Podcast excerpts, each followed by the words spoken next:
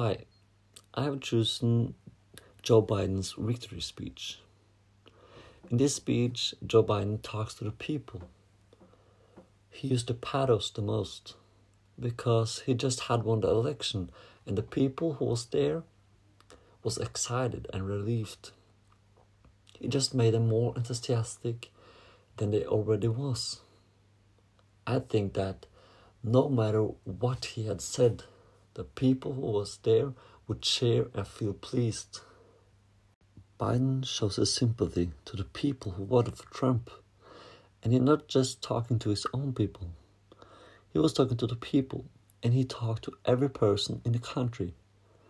Biden conciliated the people when he said, I pledge to be a president who doesn't see red and blue states, but a United States.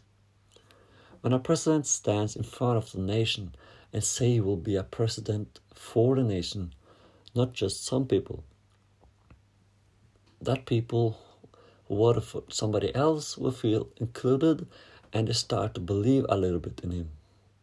And that is ethos. Biden used logos in speech too when he said to make America respected around the world again and unite us here at home. It means that after these four years, nations around the world has less respect for the US. And the people uh, in the US are split up. And that's true.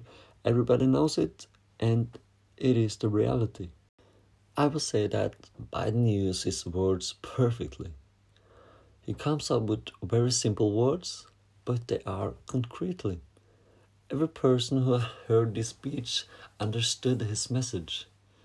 When he used these kind of words and sentences, people start to trust at him. He has affected my perception of him to something very good. When he said that he's humbled over the trust and the confidence they have placed inside him. That is how a president should be.